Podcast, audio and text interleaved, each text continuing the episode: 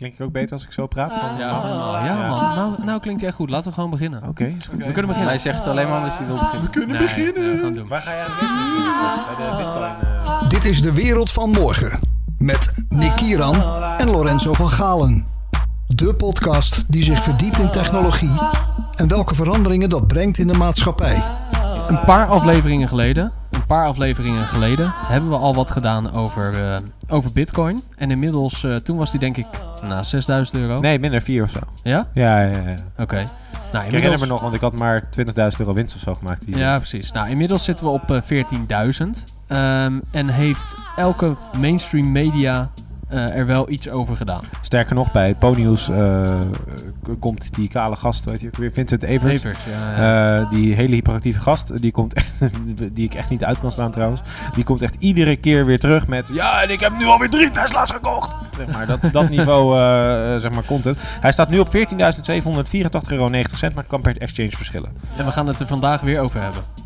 En dat gaan we niet alleen doen, Nick. Want we zitten hier tegenover twee guys die zeker iets weten over financiën. Ehm, Klopt. stel je even voor. Leen van Frisia. Ik ben Michael Pijnenburg. Welkom. Dankjewel. En naast je zit, Anko Scholtens. kijk. En jullie zijn van. Amazies. Eh, .com. Zeg, Ja. eh, vertel, eh, leg even uit aan de luisteraar wat Ja. Amazies doet. Amazies is een eh, benchmark platform voor je beleggingsportfolio. Dus als jij belegt in whatever, onder andere ook crypto's, dus waar we het vandaag over gaan hebben, eh, dan kun jij je portfolio downloaden bij je broker en eh, uploaden bij ons. En dan geven wij er een benchmark aan. En dan kan je vergelijken met andere gebruikers of je kan een groep en dan met bijvoorbeeld vrienden eh, gaan benchmarken en samen gaan kijken van hey vet, dit heb ik erin zitten, dit heb jij erin zitten. En dus zodoende tot betere inzichten en resultaten komen. Maar, maar ga, gaat Lorenzo dan zien hoeveel geld ik heb? Nee, nee, het is allemaal zonder bedragen. Goed dat je trouwens die vraag stelt. Eh, het is allemaal zonder bedragen en alleen maar op basis van scores. Ja. Dus, Dus, Lorenzo eh, ziet hoeveel, of ik een goede maand heb gehad, maar niet zozeer in... Hij weet niet of ik er nou 10 euro in heb gelegd of 10.000. Ja. Oké. Cool. precies dat. En ja, we wilden, of in ieder geval, ik zag dat de vorige podcast, eh, jij kan dat beamen, Nick, dat de vorige podcast over crypto's eh, zo goed beluisterd was, dat we dachten, laten we er nog een keer wat over gaan doen. Ehm, maar laten we hem dan wat, wat groter maken en wat meerdere ehm, ja, facetten Mhm. van blockchain, crypto's, ICO's ehm, en financiën, Mhm. fintech, om het, eh, om het met een mooie, mooie term te benoemen. Dat is ook zo'n buzzword. Behandelen. Ja, dat is wel waar. Het ik, is wel ik, een ik wil het gewoon hebben over wat Bitcoin nou echt doet. Weet je wel, los van dat eh, ik er zo'n zo'n zo'n pony of zegt, ja, hij gaat weer omhoog. Ja, dat zien we allemaal wel, of dat hij omhoog of omlaag gaat. Laten we het daar, we maar het ik daar wil, ik, eerst wil over gewoon meer even, ik wil gewoon meer even de diepte ingaan. En wat ik ook belangrijk vind, want vorige keer hebben heel veel mensen hem inderdaad beluisterd. Maar dat, ik, Ja, denk ook, ik denk ook dat daardoor de koers ook zo gewijzigd is, zeg maar. Dat hij daarom nu Ja. 10.000 euro... Nou, je ziet gewoon gelijk dat dat invloed heeft op de koers en op de populariteit van Bitcoin. Je merkt toch dat de Wereld van Morgen podcast daar een aanzienlijk medium Ja, van maar- Maar het is gewoon een factor. Ik denk dat als jullie eh, deze hebben gelanceerd, dat hij, eh, hij staat nu inderdaad op een andere exchange op 14.836 euro. Ja, moet je nagaan, hij gaat nu al, hè? Hij is nu alweer 100 euro gestegen. En we Ja, maar niet eens, we dit is niet eens zijn nog niet eens vijf Het gerucht ging dat we nog een bitcoin... Maar jongens, even serieus. Laten we beginnen bij het begin. Eh, als je nu zit te luisteren en je denkt... eh, Bitcoin, ik heb het inderdaad ergens langs horen komen of zien komen op de Telegraaf of zo. Maar ik weet nog niet helemaal wat het is. Eh, kleine introductie. Zal ik die geven dan? Ja, kijken allemaal aan. Ja, het Eh, helemaal Bitcoin is, eh, eh, werkt met de technologie blockchain. En Bitcoin is een, een currency die gemined moet worden. Of in ieder geval eh gemined niet in de zin van een, een, een, een, berg eh, inhakken en op zoek naar, zijn goud. maar- Dat denken heel veel mensen als je denkt aan minen. Maar het gaat om hashing power. Of in ieder geval de kracht van de computer, de processorkracht, die so- moeilijke sommen uit te laten berekenen. En daardoor komen er eh, bitcoins vrij. Nou, ik vind Ja. eigenlijk dat je... Het, en de reden om dat te doen is omdat je dan het netwerk onderhoudt. Ja. Ja, dat ook. Eh, onder andere... Het is een peer-to-peer netwerk. Ja, Ja. en ook om inderdaad de blokken te valideren. Precies. Dus dat ze, eh, Want een normale bank eh, werkt wat, simpli- wat simplistischer wat dat betreft. Hoe we dat kennen als eh, van, van oudsher. Ja. Dus jij hebt een rekening bij een bank. bij de IG-bank bijvoorbeeld. Jij hebt een rekening bij de ABN AMRO. Eh, ik maak 10 euro over naar jou. Dan ga ik van de ING ga ik naar een soort centraal eh, betalingsmechanisme. en die zetten hem vervolgens weer door naar de ABN AMRO volgens mij. En dat wordt dan gecontroleerd door een externe partij zoals een, Ja. een notarieel instituut. Bij de blockchain is dat niet zo. Bij de blockchain heeft iedereen eigenlijk, dat heet een ledger. Dus iedereen heeft eigenlijk de hele chain tot zijn beschikking. eh, technisch gezien. Dus ik kan anoniem zien wel, wel hoeveel, hoeveel units er staan per, per gebruiker van die chain, dus per ketting. En op het moment dat jij, doordat iedereen dat kan zien, kun je ook heel snel zien dat als, als er 10.000 mensen dat gebruiken en jij eh, tegenover mij zou dan ineens iets aanpassen, dan zou dat heel snel in de chain worden gezien. En het idee daarachter binnen de blockchain is dus eh, dat eigenlijk iedereen is net zo goed wel te vertrouwen als niet te vertrouwen. Want dan ben je elkaar continu aan het valideren, waardoor er A geen fout kunnen ontstaan, maar B ook dat je dus ook geen fout kan maken. Of dat nou bewust is of dat het nou Ja. onbewust is. Plus alles is eh, herleidbaar. Of in ieder geval, je kan altijd terugvinden aan het adres. Wat een, een reeks En omdat is het van iedereen Ja, is en en- niet van één persoon, is het daardoor ook, eh, is het daardoor ook natuurlijk wat, ja, hoe zeg je dat? Ja, e- eigenlijk, want jij zegt herleidbaar eh, tot op zekere hoogte. En het ligt ook heel erg aan de exchange waarop je het doet. Want eh, in principe moet je alleen maar ehm, vertellen of laten zien, zeg maar, dat jij die coins bezit. Dus je moet de vorige transacties als voorbeeld geven waarom je de aankomende transactie kan doen. En op basis daarvan kan je dus valideren dat jij daadwerkelijk dat geld hebt. En kan je dus ook niet copying, dus wat eh, heel erg Mhm. een probleem is binnen de bankingwereld, eh kan je dus eh, daarmee is dat in één klap opgelost. Maar wat is dat probleem dan? Dat copying? Nou, dat je nooit zeker weet. ehm, ja, eigenlijk is het, je weet nooit zeker of eh, dat geld al een keer is uitgegeven, ja of nee. Maar ook of diegene dat geld dan nog heeft, ja of nee. Mhm. Dus het valideren van dat die transactie daadwerkelijk is gebeurd of dat je hem ergens vandaan hebt gekregen, dat is een heel moeilijk Mhm. idee. En vanuit daar, met blockchain, kan je dus nu Mhm. heel simpel oplossen van oké, op basis van deze transacties, en ik laat dat aan jou zien aan de ba- op basis van de transactiecodes inderdaad, dus die tokens, eh, kan ik aantonen dat ik nu eh, deze coins aan jou kan overmaken, ja of nee. Maar het is allemaal virtueel natuurlijk, want je hebt geen potje met goud in de hoek Ja. van je kamer staan. Uiteindelijk is het eh, waar we met geld en aandelen en goud tussenpartijen hebben, zoals banken of bewaarders, Mhm.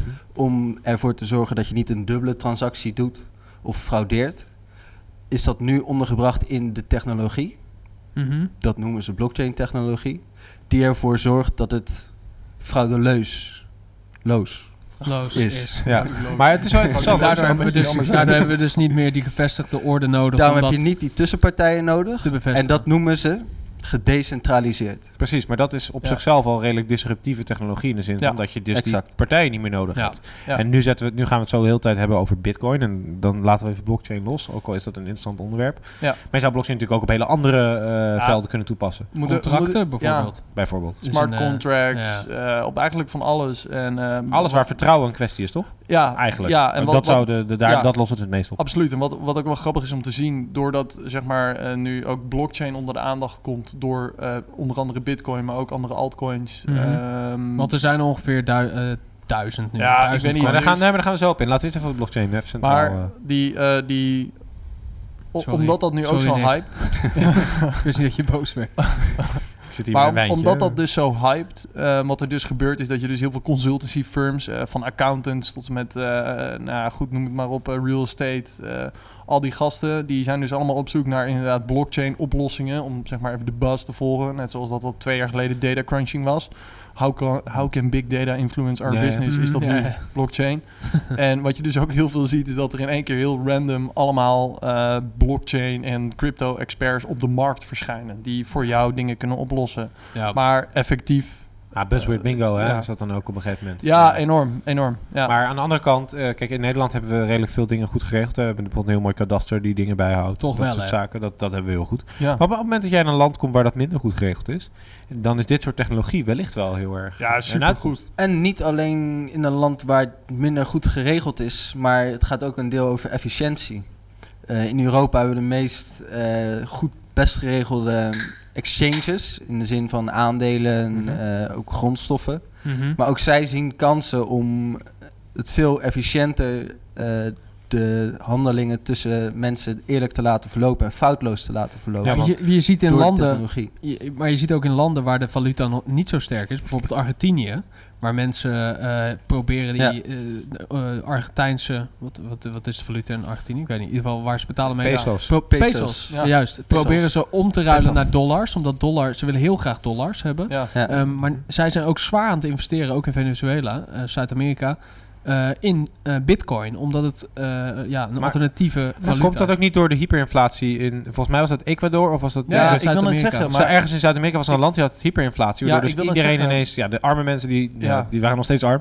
Maar de rijke mensen waren ineens ook arm. Ja, Ja, ik weet niet meer precies inderdaad, maar ik las daar laatst een artikel over. Ik heb me daar niet zo heel veel eh, mee bezig gehouden, hoor, moet ik eerlijk zeggen. Nee, een beetje ver van je bed. eh. Een beetje ver van mijn bedshow. Nee, het is, sterker nog, het is eigenlijk de markt waar we in zitten. Maar dat maakt niet uit.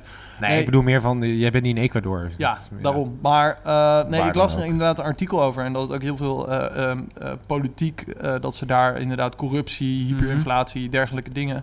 En dat daarom eigenlijk nu eh, een soort van de eh, bewoners van Argentinië, de, de gewone mensen, de burgers, eh, in opstand zijn gekomen. En dus heel erg inderdaad in blockchain zijn gaan zitten. En Ja, maar, maar dat ziet- is dan een optie toch? Want je kunt Ja. ook goud kopen. ja. Je kan ook eh, Klopt. een Rolex Ja, kopen nou ja, die waarde En aan wat dus grappig is, is dat het best wel een technologisch land is. Nou, ik zal je iets vertellen. Dit is in Afrika. Ik weet niet of het Zimbabwe was, maar ik heb het eh, laatst gelezen ergens. Daar betaalden ze elkaar met eh, belminuten. Eh, omdat het geld... In Zimbabwe heb je volgens mij 1 triljoen briefjes, weet je wel. Dat, was ook, dat is ook niks meer waard. Oh. En daar, daar Ook betaalden ze... Ja, daar betaalden ze elkaar met belminuten eerst. Ehm, dus zij hebben ook in die community een soort van eh, alternatieve valuta... waar zij waarde aan hechten, Ja. wat bitcoin eigenlijk ook is. Alleen die community is groter. Ja. Dat is super interessant. En Maar- dat is dat decentrale- decentraliseren van de economie. Ja, dat is best wel interessant, want ik heb een onbeperkt belbundel van Vodafone. Moet ik nu niet echt gaan in Zimbabwe gaan wonen? Als jij in Zimbabwe als een koning wonen. dan kon je daar als een eh, Ik denk ook koning in Zimbabwe die. Zullen jongens? Eh, Ik denk overigens wel dat er een groot verschil zit in het gebruik als valuta, als daadwerkelijk een geldbetaalmiddel. Of als wat ze, ja, de Engelse term is store of value, wat Store ook value, goud ja. is. Ehm, ik zie Bitcoin meer als de laatste. Dat is ook waarom men in eh, landen waar hyperinflatie niet alleen willen ze Bitcoin, ze willen ook goud. Ja. Die vervullen vrijwel dezelfde functie. Ja, Als je wat geld hebt, dan is het interessant om je portefeuille zo goed mogelijk te spreiden met een beetje vastgoed, goud, Exact. bitcoin. En het Ja. voordeel van goud is dat het zijn waarde behoudt, ondanks wat de valuta doet. Doen. Ja. Ja. Ehm, nou ja, tenzij goud instort, zeg maar. Dat is Ja. de maar. exact, Ja. maar dat is, dat is de waarde van Precies. goud, is dat het best wel stabiel is. Mhm. En dat, die rol zou Bitcoin kunnen vervullen. Mhm. Mhm. En als, Wat het al betaal, als betaalmiddel Ja. is dat een stuk lastiger. En dat heeft met het verschil in karakteristiek tussen store of value of valuta te maken. Mhm. Ehm, waar valuta eh, moet heel veel transacties schaalbaar kunnen eh, verhandelen. Eh, en dat is met Bitcoin gewoon lastig. Nou, weet je, weet je wat ik interessant vind? Dat is, het, dat is het concept waarde. Want wat is nou waarde? En ik heb daarover nagedacht van de week. Eh, oh ja, ik heb, ik heb hierover nagedacht. Ehm, waarde is wat de ander eraan een geeft. Of in ieder geval wat, ja. wat beide partijen daaraan geven. Dat is waarde. Ja, het is eigenlijk wat de gekker voor geeft. Ja, dat Ja. is waarde. En dat zie je nu met de bitcoin ook. En dat vind ik super interessant. Want eh, de euro, ik bedoel, eh, de, de, hoe heet die, Draghi, die gaat komend jaar 750 miljard euro bijdrukken.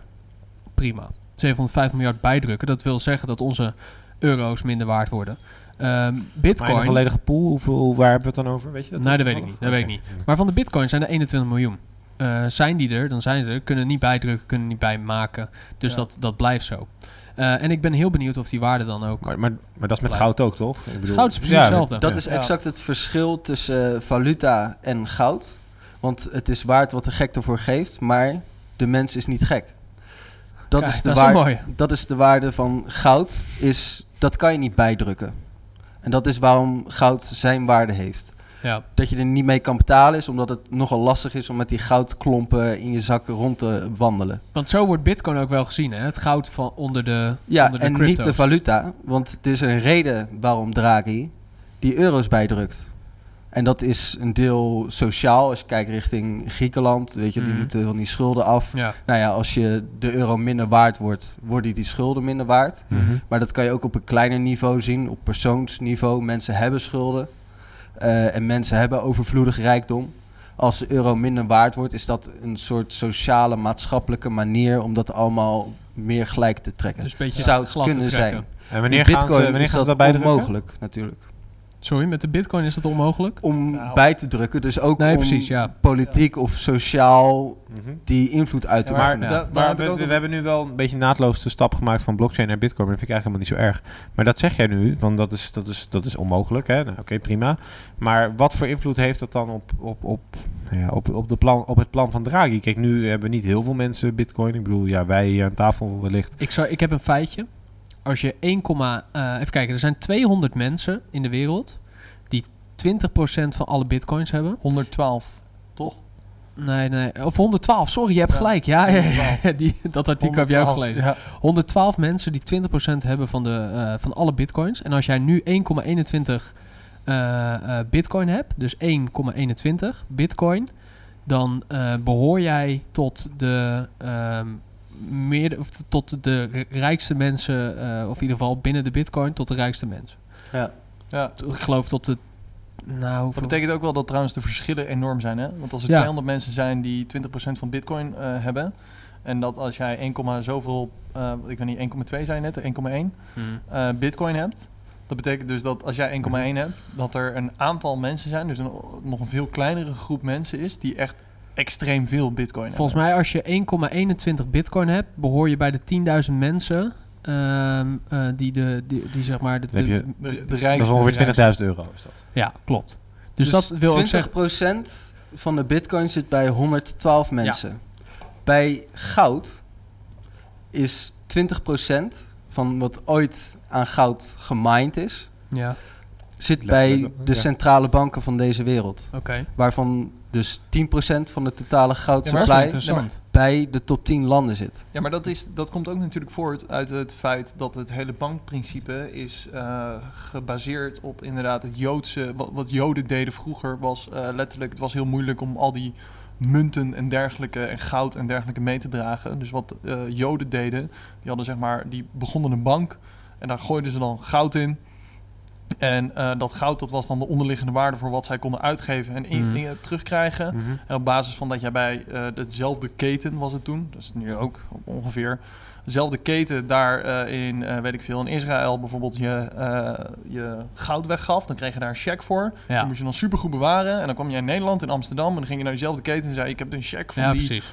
Van jullie andere filiaal daar. En dan gaf je die en dan kon je dat weer terugkrijgen in goud. En daarmee kon je dan handelen. Mhm. En dat was het hele principe. Dus in Maar- principe- da- daar komt vandaan dat wij inderdaad die goudvoorraad hebben. Ja, precies, maar op het moment dat Draghi 750 miljard eh eh bij, bijdrukt. dan wordt mijn goud wel veel minder waard. En dat is denk ik wel interessant, want dat, daar, daar Nee, wilde ik een beetje naartoe. niet je goud. Nee, niet je Nee, goud, geld de dan, waarde ja. van je geld tegenover het goud. Dat is waar, maar ik bedoel meer van, oké, op het moment dat er zo'n beslissing komt, ik heb geen, eh, geen enkele vorm van invloed op die beslissing. Hoogstens eh, Ja. mijn stemgedrag die dan het maar dat heb je ook Europese niet op Hof... Bitcoin. Nee, dat klopt, maar bij Bitcoin weet ik het wel zeker, omdat dat, dat zijn parameters die vaststaan maar- en die niet veranderen. Ja, dat, dat- maar dat Nee, is dus de vraag. Wij zeggen wel 21 miljoen bitcoins kunnen er gemined worden, maar eh, is daar enige proof van? Een, enige vorm van proof of, die, of het echt maar 21 miljoen is? Dat, dat moeten we op de blauwe ogen van Satoshi eh nou, blauwe toch? ogen op, eh, op een paper van 9 pagina's. Ja. Eh, dus ik, nogmaals, ik, ik ben helemaal niet anti-blockchain, Nee, niet alleen die- eh, anti-bitcoin. Maar Maar, goed, Nee, dat- maar die scepticisme is heel goed, denk Maar ik. dat is Ja. Niet alleen die controleren, Bitcoin, toch? Want de hele code is ook open source en je kan het op je eigen netwerk draaien. Dus wat dat betreft, ze proberen al tien jaar lang het te kraken, te hacken en het lukt ze niet. En te Ja, nee, maar dat is de waarde waarom het net zoals... ja, maar dat is de waarde die er nu omheen hangt. Maar of het 21 miljoen coins zijn, dat weten we niet zeker. Ehm, op wat voor gebied weet je dat niet zeker? Nou ja, goed, je kan het hacken en je kan het kraken Nee, inderdaad. maar dat proberen ze dus proberen. al tien jaar. En, Het eh, kan niet, maar wie zegt dan dat die Satoshi er daadwerkelijk maar 21 miljoen coins in heeft gezet dan? Dat staat in de code. Ja, dat is terug te Het vinden. staat vast in de Ja, code. dat staat vast. Ik wist helemaal niet dat Nee, het nee, vast stond nee, in de code. ja, ja. Dat staat Ik dacht vast. dat het alleen in die paper terug Nee, maar ik, Nee, nee, de- de- wat jij nu zei, ik heb een documentaire gezien over, ehm, eh, de, over het ontstaan van de blockchain. ja. En daarin waren een aantal eh nou ja, cryptografen, heet dat geloof ik, of crypto... die, die eh, Taki, Amir Taki. nou ja, goed, to- cryptopians inderdaad. Ja. Ja. ik weet niet hoe je ze moet noemen, maar die zeiden van, ja, dit kan niet. Dan meteen toen ze dat paper zagen. Dan moet het aan dit, dit en dit voldoen. Oh, wacht, dat staat eronder. Ja, maar dan kan het nog steeds niet, want dan moet het nog steeds aan dit, dit... Oh, wacht, dat staat daaronder. Ja, maar dan kan nog steeds niet... Oh, het staat in de broncode. Weet je, dus op die manier in die, in die documentaire waren ze heel erg Ja. van, ja, weet je, al mijn opmerkingen om er tegen te zijn, zijn weerlegd. Dus het is echt goed in elkaar gezet. Ja, nee, Ja, nee, nee, maar dat ik is zeg... de- De, de, Dat is wat de het, was, het was net van mij onwetendheid, want ik wist niet dat het in de broncode stond dat het er 21 miljoen waren. Ehm, dus vanuit daar is Nee, dat een ik snap slecht je, maar ik ding. bedoel, maar ik, ik, ik ben geen kenner, hè, maar ik, Nee, ik hoor maar dat wel is- heel veel ja, Hetzelfde, het grootste risico van bitcoin is dat er misschien toch meer bij kunnen komen. Of misschien nog wel groter is dat het gehackt kan worden. Eigenlijk geldt hetzelfde voor eh, Goud goud. kan ook overvallen worden. Dat het goud opeens een nieuwe goudbron wordt gevonden. Naarmate de tijd verstrekt en we zijn al een aantal honderd jaar op weg, weten we, oké, dit is best wel definitief van hoeveel goud er is. En daar, daarom, de mens is niet gek, daarom geeft men de waarde aan. Ja. Bij geld, valuta, heb je dat risico helemaal niet, want je wa- je weet gewoon zeker dat ze bij kunnen drukken als ze willen. Ja, nee, dat is zeker zo. En ze doen dat ook niet voor niks. Dat heeft altijd een reden, politiek, economisch, waar wij Ik denk, uiteindelijk ik denk, dat, dit punt wel, van ik denk dat moeten dit punt wel duidelijk is. Dus het, het verschil tussen eh, goud als waardemiddel en geld als betaalmiddel. En de bitcoin. Maar, en, maar nee, maar dat is, waarom is de bitcoin nog geen betaalmiddel, jongens?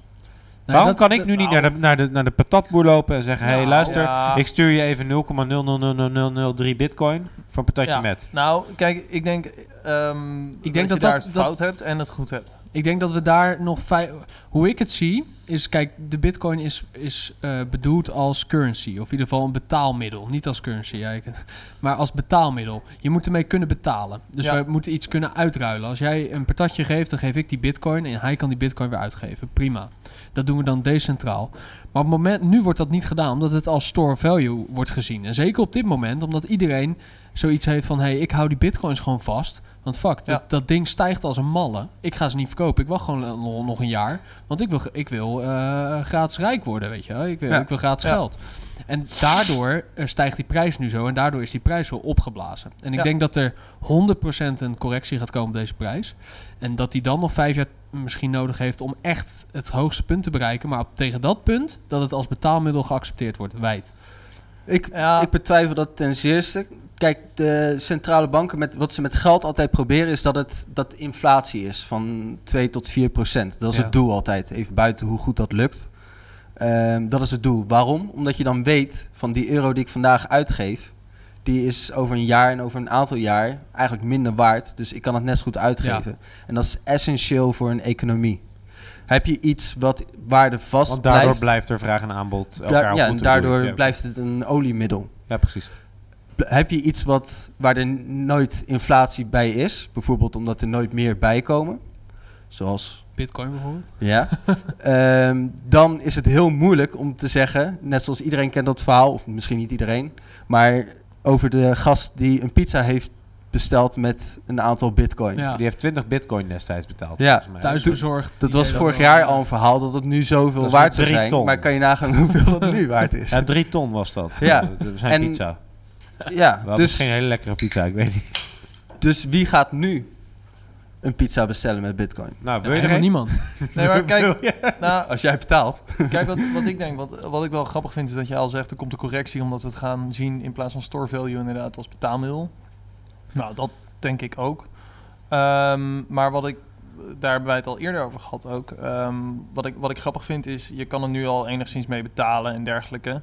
Maar bijvoorbeeld, totdat jij bij de Belastingdienst eh, eh, echt je belastingaangifte ermee kan doen en daarmee kan betalen, dan heeft het Ja. natuurlijk voor ons als samenleving niet heel veel nut. Maar de Belastingdienst kan toch helemaal niet zien dat ik bitcoin heb? Ja, ze kunnen heel hoogstens zien dat ik bitcoin ooit heb gekocht voor niks bedrag. Ja, en dat is het hele ding. Ze Dus- gaan van de market value, of ze- ja, de, de begin marktwaarde van begin van het jaar, dus vanaf januari, pakken zij de waarde van je bitcoin en daarover betaal je belasting. Dus Dus, als die inderdaad zien ze dat Kaart is gekelderd, heb ik een probleem. ja, dan heb je, ben je gewoon een lul. Maar als je, heeft hij heel veel meer waarde gecreëerd, dan ben je echt veel rijker. Laten we regulatie even bewaren Ja. voor zometeen. Oké. Maar, Maar wat ik, wat, ik dus, Ja? wa- ja? wat ik dus wilde zeggen is... ehm, wat ik grappig vind om te zien... en wat ik denk eh, wat er gaat gebeuren... is als je kijkt naar wat valuta echt is... en wat valuta echt doet in onze wereld... dan is het veel meer politiek gereguleerd... dan dat wij überhaupt beseffen. Mhm. Dus Maar is dat object? Naar jouw mening? eh, hoe bedoel je object? Nou ja, is het goed? Is dat niet goed? Eh, Want ik, wat jij net zei, vanuit sociaal oogpunt ben ik het met je... Ik, ik ja, kan moeilijk oneens zijn. Ik bedoel, dat Nee, is ja, ja, inderdaad. Maar Ja, ja, ik totaalperspectief heb je natuurlijk ook andere afwegingen om misschien niet... eh, Ja, kijk, enerzijds, enerzijds ben ik het ermee eens, enerzijds, anderzijds ben ik het ermee oneens. Enerzijds ben ik het ermee eens omdat er iemand, zeg maar, eh, net zoals op schoolplein, gewoon moet zeggen: dit is goed, dit is fout. En anders loopt alles uit de hand en krijg je hele shady praktijken. Aan de andere kant heb ik zoiets van: ja, tot hoe ver gaat die controle en wat, wat willen zij ermee? Dus het is een beetje de vraag op wat voor een scheidslijn je dat neerlegt. En wat ik bijvoorbeeld heel erg denk, is dat we wel het systeem gaan gebruiken, blockchain, maar dat we niet Bitcoin als coin gaan gebruiken, maar dat bijvoorbeeld landen een eigen Van de ICO gaan doen. eh, de euro eh, coin. Ja, de eurocoin. Ja, bijvoorbeeld er werd al gesproken over een Bundes uh, of een een eh, land dat Golden Mark en dat soort dingen. controle weg? Waarom Ja. zou jij controle weggeven? Dat is mijn vraag. Maar dat zijn Nou, dingen kijk, die je niet wilt. Als Duitsland bijvoorbeeld met een eigen coin komt... eh, dat wil dus ook zeggen dat zij eh, eh, daarmee macht creëren. Ja, maar kijk, als, dat, als er een Golden Mark komt, hè, Nederland en Nu Duitsland. refereer ik even niet naar de Tweede Wereldoorlog en zo hoor. Dat, maar gewoon Duitsland is een econo- economisch Ja. sterk land wereldwijd. Volgens mij de tweede economie eh, van de wereld na Amerika. Dat betwijfel ik Nee, met China, is maar... de- nou, één is Of de derde, Amerika, maar- twee China. Volgens mij de top Ze hebben wel de twee of één na grootste goudvoorraad. Ja? Ja, en maar de- laten we wel zeggen, ze hebben in ieder geval eh, eh, een, een aanzienlijke positie, Ja. zou ik het zo zeggen. Ja, Maar- maar, die, die positie, en ik denk wat, wat er meer gaat spelen is eh, de politieke overweging, net zoals bij valuta. Waarom zou je dingen doen? Waarom willen wij nog in de euro zitten? Waarom is die discussie Ja. hier? En wat heeft bijvoorbeeld Griekenland voor een positie in, onze, in, in het huidige Europa? Maar, Willen we daar niet van af? Ja, Ja. we kunnen er vanaf door bijvoorbeeld een ICO te doen met Duitsland en misschien zelfs eh, de Noordics ja, erbij. maar dan- ICO als in crypto of ICO als in de- gewoon eh, we willen de gulden terug? Nee, ICO Nee, een als coin. crypto. Oh, e- Echt een coin. Ja, maar ik nog steeds de vraag, waarom zou je als land het controle wat je hebt, hè, wat jij net zei, uit handen willen geven door bijvoorbeeld een bitcoin Ja, af maar dan- dan kan En je waarom ook- zouden wij als burgers dat willen? Nee, maar dan zou je het ook kunnen embedden bijvoorbeeld in je belastingssysteem. Ja. Dan zou je er veel meer systeem op kunnen dragen. En dan Nee, je- pragmatisch snap ik hem wel. maar dan, dan geef je in principe eh, niet direct controle weg. En ehm, Hoezo heb je... Maar ik bedoel, stel je voor dat je zegt, ik, ik wil dat nu de, de gulden coin er komt. Dat zijn er 100 miljoen, klaar, punt. Zeg maar net als de bitcoin. Ja. Dan heb je toch niet meer die controle over, eh over Maar die twee dan heb je het over de invulling. Het leuke van die technologie is dat je zelf de regels kan bepalen. Ja. Alleen het hele ding is dat die regels publiek zijn. Het is een protocol, Ja. Ja. dus dat het publiek het is. Maar, Maar, je had het net over shady praktijken, maar in de politiek zijn natuurlijk ook gewoon shady praktijken. Ja, nee, dat, nou ja, ja oké. en die dan- kunnen dan niet. Nou Goed, ja, laten we, laten we die discussie dat- niet aangaan, Nee. want Nee, dat is oké, wel nee, een hele... nee, nee, nee, hele- nee, hoezo niet? Aan de Nee, maar kant, heeft er wel inhoudelijk de discussie. Maar ik Nee. kan me wel voorstellen dat een overweging is voor de Europese Unie of voor eh, Nederland of voor Duitsland. Ja, goed, Om kijk, te overwegen van ja, weet je, het is allemaal maar- leuk die blockchain, maar kijk- maar ja... eh, Kijk, er is, het is heel simpel. Pro- politiek, inderdaad, vast en zeker shady praktijken. Ben ik het helemaal wel mee eens. Eh, of nou, helemaal wel mee eens. Er zullen ongetwijfeld wel dingen gebeuren die, die, die in het eh, torentje gebeuren die wij liever niet willen weten, zeg maar. Dat het goed is dat dat voor de burger eh, niet bestemd is. Maar wat ik wel denk is een is, discutabele uitspraak voor sommigen. Ik denk als mensen nu luisteren dat ze het misschien niet met je eens zijn. kunnen we dit knippen? Nee, nee, nee, nee, nee, helemaal Nee, niet. Nee, maar ik bedoel... dat- gewoon voor je mening. Nee, maar die mag gewoon je mening... Als, als Ja, kijk, nee, ik ja. het zo zeggen. Ik, er zullen ongetwijfeld ook, eh, jij zegt ook al, in de, in, de, in de politiek gebeuren ook shady dingen. Nou ja, goed, in de afgelopen periode, zeker de afgelopen jaar, zijn er heel wat dingen aan het licht gekomen. Laten we het daarop houden dan. Eh, maar gaat maar als jij puur kijkt, nee, maar als jij puur kijkt naar transactiewijs, dus wij gaan weer even terug naar finance. Als je puur, puur kijkt naar transactiewijs, wat daar is gebeurd en hoe bijvoorbeeld Silk Road eh, extreme bedragen heeft opgehaald met het verhandelen van drugs puur, puur op Bitcoin. En zeker tegen een lage exchangewaarde van Bitcoin. Mhm. Maar Silk Road was de, de geheime, de zwarte marktplaats. Ja, de zwarte marktplaats voor drugs op het internet. Op in, de eh, zeg dark maar die, web. Ja, je, je had een dark web, ging je met je, je Onion eh, browser ging Ja. heen en dan kon je Ja, een paar eh, gram drugs van het een of het kon je andere een ki- halen. een kilo eh coke halen. Gebruik met je dat daarvoor, joh? Ik, ik gebruik het altijd gewoon om Netflix te kijken. Dus, ik vond het wel leuk. Ja, ja, lekker in je proxy, lekker langzaam laden en zo. Ja, wel wat hebben. 340p, ja, nice. Ja, nee, kijk, maar ik, sorry, heel kort Ja. afmaken. Die shady praktijken zijn natuurlijk veel directer dan wat wij ervaren vanuit de politiek. En wat ik denk is dat het dan veel meer baat heeft voor eh, ons land, Hmm. Nederland, om met, zijn, met, met onze overheid een ICO te doen. Op een bepaalde muntwaarde om onze politiek gewoon weer te of onze eh, valuta gewoon weer te corrigeren en om ons land weer te corrigeren. Maar dat is de gulden discussie ook, toch? Ja, zel- zelfde discussie als de gulden discussie, alleen op een andere discussie. Ja, of ik- eh, op een andere technologie. Ik zie dit, waar je, deze discussie, zie ik als een eh, derde ontwikkelingsgolf. Eh, de eerste was... We, we hebben altijd een, een, een eh, techniek... Of, we hebben altijd een systeem nodig gehad in het, in, de, in het verleden... om grote groepen mensen te controleren. Dat was eerst geloof, daarna politiek. En nu is het volgende stap. Want we zien dat geloof niet heel goed meer werkt... om grote groepen mensen... in, in- of nou, in bedwang te houden. Of in ieder geval grote groepen mensen te sturen. Politiek ook niet echt meer. Eh, want we willen nu alles decentraal gaan doen. Maar wat is de volgende stap? En dat, dat, Alles denk- decentraal. De, ik, ik wil graag je hersenspinsel begrijpen. Nou ja, zeker alles decentraal. Eh, ik, ik denk dat we door technologie en door kennis eh, steeds meer voor onszelf gaan denken. En daardoor werkt politiek niet echt meer. Omdat heel veel mensen de, de, waar, waar jullie deze discussie ook over gaat, de, het geloof in politiek een beetje kwijt zijn. Mooi. Nee, maar dat vind ik heel mooi. Want als je kijkt naar eh, ehm, externe dingen naast cryptocurrency die met blockchain gedaan kunnen worden, bijvoorbeeld een gedecentraliseerd internet. Oh, dus bijvoorbeeld een. eh, sorry. Ja, ja. bijvoorbeeld Ja, een aan het opnemen. Hè? ja, ja, ja.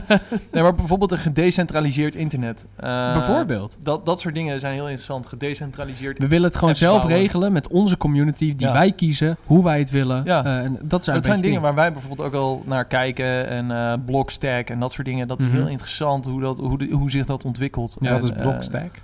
Ja, dat is een vorm of een. Laten we zeggen, het is. ehm, Zij willen dus een soort bedrijf wat Ja. een gedecentraliseerde webbrowser slash internet wil ja, neerzetten. zij zijn zeg maar het Ethereum voor applicaties op blockchain. Ja, dat is vet. Maar- Ja, dat is vet. Want in principe is het, het, het originele idee van internet was juist ook decentraal, toch? ja. Alleen inmiddels is Nou, het met name dusdanig anoniem. belangrijk. Ja, anoniem.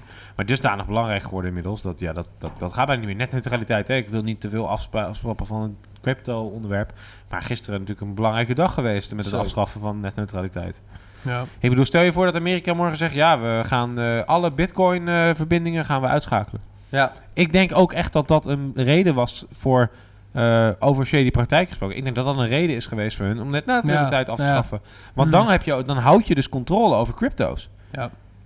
Of Maar ben ik nu een conspiracy thinker? Heb Nou ik nu ja, een rare opmerking? eh? Versterkt, versterkt misschien ook wel weer die spirit van alle mensen die aan het begin van, blok, eh, van, van eh, eh, Bitcoin ingestapt zijn. Door het ideaal. Door het ideaalbeeld. Van een decentrale eh, wereld, een decentrale economie. Mhm. Die wij bepalen, en- of in ieder geval de gebruiker bepaalt met ja, maar elkaar. op Maar ik zie, ik zie het niet als een conspiracy, want ik denk dat het ook wel zijn nut heeft. Kijk, je probeert altijd risico's te vermijden, ook als overheid. En als je als overheid alle controle kwijtraakt, loop je als maatschappij gewoon heel veel risico's. Ja, maar dat, nu, nu breng je het als een soort technocratisch punt. Zo van, ja, wij als overheid weten wel even wat beter is voor de mensen. Nou ja, daar is de overheid wel voor. Dus kijk, het klopt dat eh, de bitcoin misschien echt als een wantrouwen, zeker als je dat manifesto bekijkt, richting overheden is eh, gemaakt. Mhm. Ik zelf geloof best wel nog in de kracht van overheden en de rol die zij vervullen en de mensen. democratie, et cetera. Eh, tegelijkertijd geloof ik ook in deze technologie. Mhm. En ik denk ook dat die prima samen kunnen gaan. Ja, maar Ja, ik denk dat, dat die discussie dat dat, we daar dus wel mee eens zijn met elkaar. Ik denk dat dat het punt niet is. En ik denk, alleen met netneutraliteit vind ik het echt bizar dat iedereen het heeft over... ja, zoals kan Netflix minder uitzenden dan Disney bij T-Mobile. Terwijl ik denk bij mezelf... Maar daar gaat het niet om. Ja, maar dat, nee, maar dat, dat, is- nee, maar dat is wel wat, over wat je overal leest. Ja, maar, dat, dat zei, dat, maar daar gaat het natuurlijk niet om. Dit is, dit is een... Dit is een eh, Wij willen de woningmarkt blijven controleren door Airbnb even uit te schakelen. Ja, dat, dat bijvoorbeeld. Of ben ik nu... Nee, maar ik ben serieus. Ik, ik, ik- het is, ik, ik, Nee. ik denk echt dat dit een, een idee is van. Ja. Eh, ja. Ik denk dat er meer de invloed is van corporates op de overheid. Dus grote partijen die het risico van kleinere opkomende start-ups willen verkleinen. En daarom die net neutraliteit als middel willen gebruiken om zelf die positie vast te houden. Dat is een probleem. Ja, want, maar maar dat op noem een je- gegeven moment dat dat is- jij niet meer kan beslissen over, je, over de verbindingen. Hè? Dus Ja. de- dat is net neutraliteit. Hè? Dus dat, dat als jij bij Vodafone zit en Vodafone heeft belang in Netflix, dat dus Netflix voorrang krijgt bij Vodafone ten opzichte van als concurrent Videoland of zo. Maar, ja, of een nieuwe start-up. Maar, dat stel is- dat mijn ICO, eh, mijn ICO als in de guldencoin waar we het net over hadden bij T-Mobile wordt geblokt. Eh, want die willen de Bundescoin, dat is een Duitse Deutsche Telekom.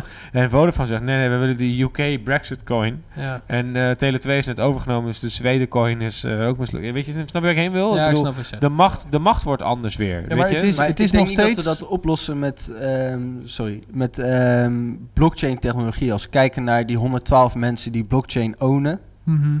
Eh, ja, voor Bitcoin, 20% dan, hè? Ja, 20 procent. maar Maar ik mag ook gewoon bij mijn naam de beslissingen.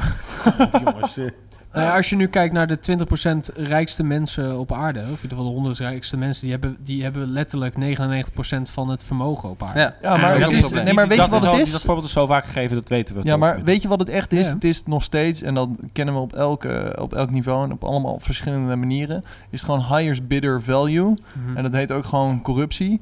En dat zie je op landniveau, dat zie je op elk niveau. Dus wat dat betreft is het een discussie die gewoon blijft bestaan. En die ook met, inderdaad, wat jij zegt, met Hey, blockchain en andere, alle coins niet wordt opgelost. ja, dat geloof ik. hey, maar die waarde, daar wil ik het even over hebben. Ja, wat- bidder value. Ja, want Eh, jullie snappen dat. Jullie zijn financial kijk, guys. De waarde van bitcoin wordt, eh, die, die kan je op exchanges kan je die ruilen. Ja. Eh, dus ik kan inkopen, verkopen en dat maakt de eh, waarde van die coin. Die overigens, eh, niet nogmaals, misschien herhaling, maar die is dus verdriedubbeld in een maand tijd. Of Ja, sinds dat wij het erover Mhm. hebben gehad.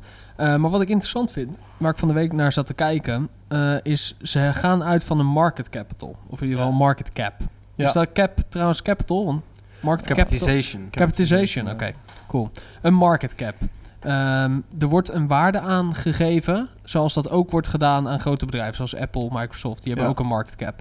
Eh, market cap eh, nu, hoe die nu staat, is eh 200, 248. naar 298 eh, miljard. Hè, ik heb hem hier voor 248. Trouwens, je, hebt al, je kan wel eens gelijk hebben. Ja, want jij ik heb zit hem, in euro's kijken, jij zit in dollars. Ja, oh ja, ik, ik zit in dollars te kijken. Ja. Eh, maar ik vind het interessant, want Gast. Bitcoin wordt vaak vergeleken met eh, grote bedrijven zoals Apple. En, hè, van, ze staan nu in de top 10, geloof ik, van grootste bedrijven ter wereld. Ja. Maar het is geen bedrijf. Maar het is geen bedrijf. Het maakt geen winst. Nee. Er werken geen mensen. En het maakt geen dingen. En dat vind ik heel interessant. Daar wil ik het heel even over hebben. Nee, de overeenkomst is bij public listed companies, Ja. bij gebrek aan, wat is de Nederlandse term, Beursgenoteerde bedrijven. beursgenoteerde Beursgenoteerde, bedrijven. Eh, de overeenkomst met bitcoin is, je hebt een bepaald aantal bedrijven hebben aandelen. Mhm. Bitcoins hebben coins. Ja. Eh, en per aandeel of coin heb je een waarde. En als je die... Ach, eh, Maar die waarde is toch gebaseerd op, de, op het resultaat van het bedrijf. Dus stel dat Apple morgen 100 aandelen Ja, uitgeeft. Nee, nee, maar dus, nee, maar dus, dus dat de overeenkomst is dat je diezelfde rekensom kan maken, daarom Dus dezelfde term. Die Ja. maximum supply van 21 ja, kijk, miljoen gewoon bij de totale waarde van die Ja. coins slash aandelen, dat is die market cap. Voor de rest heeft het weinig met elkaar van Nou, wat, het dus eigenlijk is, jij investeert niet in een bedrijf vanwege het aandeel. Je investeert in een bedrijf, of dat is de theorie erachter. Dat geloof je. Vanwege dat je erin gelooft, dat je de organisatie Ja. gelooft, dat je snapt dat zij meer waarde gaan Is toekennen. dat, is dat echt zo? Want volgens mij wordt die, is die, die meerwaarde is toch gebaseerd op of ze wel Bij- of geen omzet draaien. Bij een gezonde Ja, markt is ja. dat zo. Ja, maar, ik- ja. Nee, maar kijk, uiteindelijk waarom, nou, neem als voorbeeld, waarom, een start waarom zou een start-up een investeerder nemen en welke valuation geeft die investeerder aan bedrijf? Ja, de Die- potentiële waarde. Ja, en dat is de potentiële waarde. Dat is hetzelfde wat je doet met een public listed company. Alleen Mhm. zijn die aandelen gewoon vrij verhandelbaar. Dus dat betekent dat wat eh, het aandeel waard is, is wat iemand voor waarde toekent aan dat aandeel. Omdat hij vindt of denkt dat dat bedrijf dat waard is. Dus we hebben, stel we hebben een bedrijf en dat bedrijf delen we even op in 100 stukjes. En dat Ja. eh, één aandeel is een x bedrag waard. Ja, Eh, maar dat, die 100 stukjes worden niet meer. Eh, net zoals Ja. bij de bitcoin. Ja. Om dat te vergelijken. Dus daar zit die vergelijking in mark- market cap in. Bij Ja. de Ja, bitcoin. dus stukjes en bij Ja. elkaar Precies, bij elkaar is het. cap. Maar het verschil, wat ik net al zei, is dat bijvoorbeeld Apple komt met een nieuwe iPhone en dat invloed Ja. heeft op eh, de prijs Ja. van het aandeel. Het is Ja, en- gebaseerd dus. Het Ja. is, ja oké, klopt. En eh, een bitcoin wordt gewoon niet met die logica gewaardeerd. Nee. Net zoals goud heeft ook een market cap. Als, Ja, je, maar- als je de kilo's eh, zou onderverdelen en elke kilo is wat waard, is dat ook een market Ik heb wel eens gehoord, als je al het goud bij elkaar zou verzamelen van de wereld en je zou daar één blok van maken, dat het een blok is van 4 bij 4 meter. Oh, ik dacht dat je ging zeggen, dat is een blockchain. Nee. ja, dat zou kunnen. Maar een blok van 4 bij 4 meter. En misschien is het helemaal niet waar, maar dat is me Ik blijven hoorde een keer een zwembad. Dat zei die Of jongen een van... eh, eh, Olympisch zwembad. ik heb, ik Een heb hier even Olympisch de market cap van goud opgezocht. Wat ik niet geloof dat dat zo klopt, want het is een hele shady website. Ik ga Ja. hem niet noemen. Maar hier, wat is dit? Eh, EU.golf. trillions based. Ik heb 8200 miljard. miljard. Ik heb eh 7 Ja. triljoen 633 miljard 623 miljoen 700. Dat is verouderd. Jij leest, jij leest met het scherm af, man. Je leest mijn, 779. mijn ING-app. Nee, maar, maar- wat ja. dat betreft, de totale waarde van bitcoin is nu ongeveer 3,5% van de totale waarde van goud. Oké, maar even, even plenair. Dat betekent dus dat bitcoin, de waarde van bitcoin niet is gebaseerd op een prestatie of iets dergelijks, maar op vertrouwen. Dus, dus, dus Schaarste. Ja, of schaarste inderdaad. Schaarste, ja, of, of op het systeem, Ja. zeg maar. Dus Ja. als, als ik zeg van ja, weet je, ik wil bitcoin hebben en jij zegt, nou, ik kan bitcoin aanbieden, maar dat wil ik liever niet. En met vraag-aanbod eh, corrigeert elkaar. Dat bepaalt de waarde van bitcoin. Dan gaat de prijs omhoog. Heel conceptueel. Ehm, een bitcoin is, wat zeiden we, 15.000 euro waard nu. Waarom? Wat er ook met, van 15.000 euro kun je ook een auto kopen, bijvoorbeeld, omdat een auto zoveel waard is. Stel nou dat de euro hele rare dingen doet. Vanwege de Europese... eh, ik- Draghi, exact. bijvoorbeeld. Maar je hebt een bitcoin. En over een jaar eh, is die bitcoin eh 20.000 euro waard of 5.000 euro waard. Dan kan je waarschijnlijk voor 5.000 euro nog steeds die auto kopen. Omdat die Dat waarde is veranderd. Dus dat is de waarde van bitcoin, dat het zijn waarde behoudt ten opzichte van die valuta. Maar, nu klinkt dat heel gek, omdat die waarde van bitcoin heel erg op en neer gaat. Maar dat is de logica is achter zo. de waardering. Ja. bijvoorbeeld. Ja. Maar ik kan me ook heel goed voorstellen, als ik nu, eh, stel ik ben nu, eh, nou ja, heel veel mensen zeggen altijd van als je rijk bent, maar ik vind dat ook gewoon als je normale, normaal mens bent. Ja. Als ik nu 20.000 euro spaargeld zou hebben, dan kan ik het op de bank zetten, maar dan weet ik zeker, dan, blij, dan gebeurt er één ding mee en dat is niks.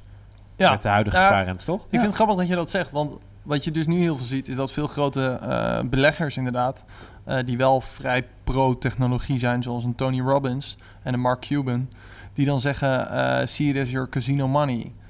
One week in Vegas, you could do it in bitcoin. En dat zeggen zij dus allemaal. Dus allemaal, zij zeggen allemaal van, joh, stop die 10% die je normaal in het casino zou Ja. uitgeven, stop die in crypto's om Als te een kijken soort wat, loterij. soort van, ik ben het kwijt. Het maakt niet uit. Ik had, het was fantastisch.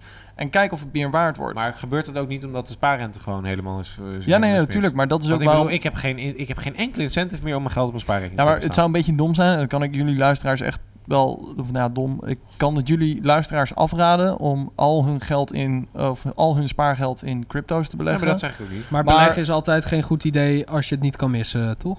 Nou ja, kijk, inderdaad, beleggen wat, je, wat ik zou doen is... Ik zou sowieso niet je totale spaargeld erin stoppen. Ehm Gemiddeld en, Nederlander heeft geen spaargeld, heb ik de laatste keer ergens gelezen. Oké. Daar kan ik geen uitspraak over doen. Dat Nee, maar dat is wel Ja, maar ze dat meer wel- schulden hebben dan spaargeld. Ja, precies. Maar Ja, in, in Amerika wordt eh 90% van de bitcoin aankopen met creditcard gedaan of met geleend geld. Er worden in Amerika hypotheken afgesloten Ja. om nu bitcoin te kopen. Dat is grappig, want wij kennen dus een start-up eh, en die, eh, ik ben even hun naam kwijt, maar zij maken bots om jouw eh, bitcoin uit te lenen aan anderen tegen Ja, een ja, eh, dat, bepaalde dat rente. gebeurt ook heel veel, ja. En dat gebeurt heel veel en Ja. dat is wel heel grappig om te zien, ja. Maar wat Dus veel mensen... het is- kan het- aanvragen. ja, maar het is een beetje hetzelfde als studenten die hun eh stufie opnemen en maximaal lenen, om Exact. dat vervolgens op een spaarrekening Want te je wil er zetten. meer van maken. Ja, daarom. Hé, maar dat meer maken.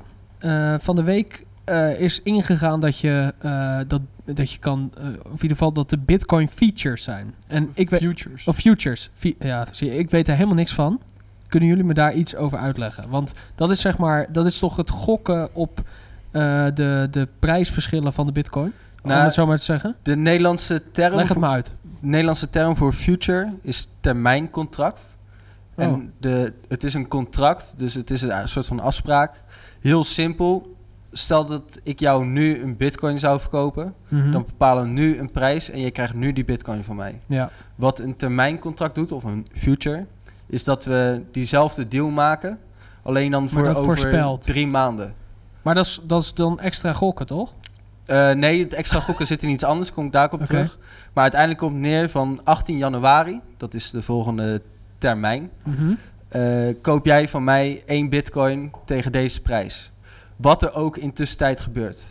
Nou, de use case daarvoor is, stel dat jij een bitcoin hebt ontvangen van een andere klant, maar Ja. je wilt helemaal het risico niet lopen, dan kan je nu gewoon met mij afspreken.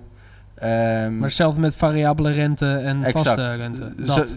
gewoon vastzetten is het Ja. van de prijs. Oké. Ja. Waar zit het extra speculatieve in? Waar zit extra risico in? Is dat contract eh, kun je voor 5 bitcoin per contract geldt het. Mhm. Dus, ehm, en je hebt maar 35% van de waarde nodig om daadwerkelijk een future te kopen. Oké. Dus eh, in de veronderstelling dat een bitcoin niet heel veel heen en weer beweegt, wat Mhm. best wel apart is, want dat doet het wel. Ehm, kun je met heel veel geleend geld eigenlijk bitcoin kopen of verkopen. Oké. Ja, dat is trouwens wel grappig, want jij zegt Dus het is een bewegelijkheid. hefboom. Ja. Daar zit het speculatief in. Wel, eigenlijk wel grappig, want jij zegt eh, bewegelijkheid. We hadden volgens mij, ik weet niet waar ik het net had, of waar we het hadden. Eh, maar ik had even de bewegelijkheid van eh, Bitcoin opgezocht. Ehm, even kijken. Ja, 113,56% volatiliteit. Dus dat betekent hoeveel procent bewegelijkheid er zit over een x aantal gemeten punten. Op een, over een termijn. neem ja, over een termijn. En deze loopt dan vanaf eh 6, nou, 9, Zes uur 6, vanmiddag. Nee, is 6, 9, 2017. Dus dat is Oké. 6 september 2017. Heeft hij 113,56% volatiliteit. Dus 113,65% bewegelijkheid gehad. Dus hij is 13%, er zit ongeveer 14% ehm, m- marge Ja. tussen dan. Nee, dat Ah, is over het is afgelopen het- jaar. Dat is een eh, soort van risicoberekening. Oké. Nou, de- deze gaat dan specifiek over, eh, over vanaf eh, eh, 9, of, eh, 6, eh, 6 september. Ja. En terug zeg maar naar die eh, future. Mhm. Dat geldt, een, één contract gaat over 5 bitcoin.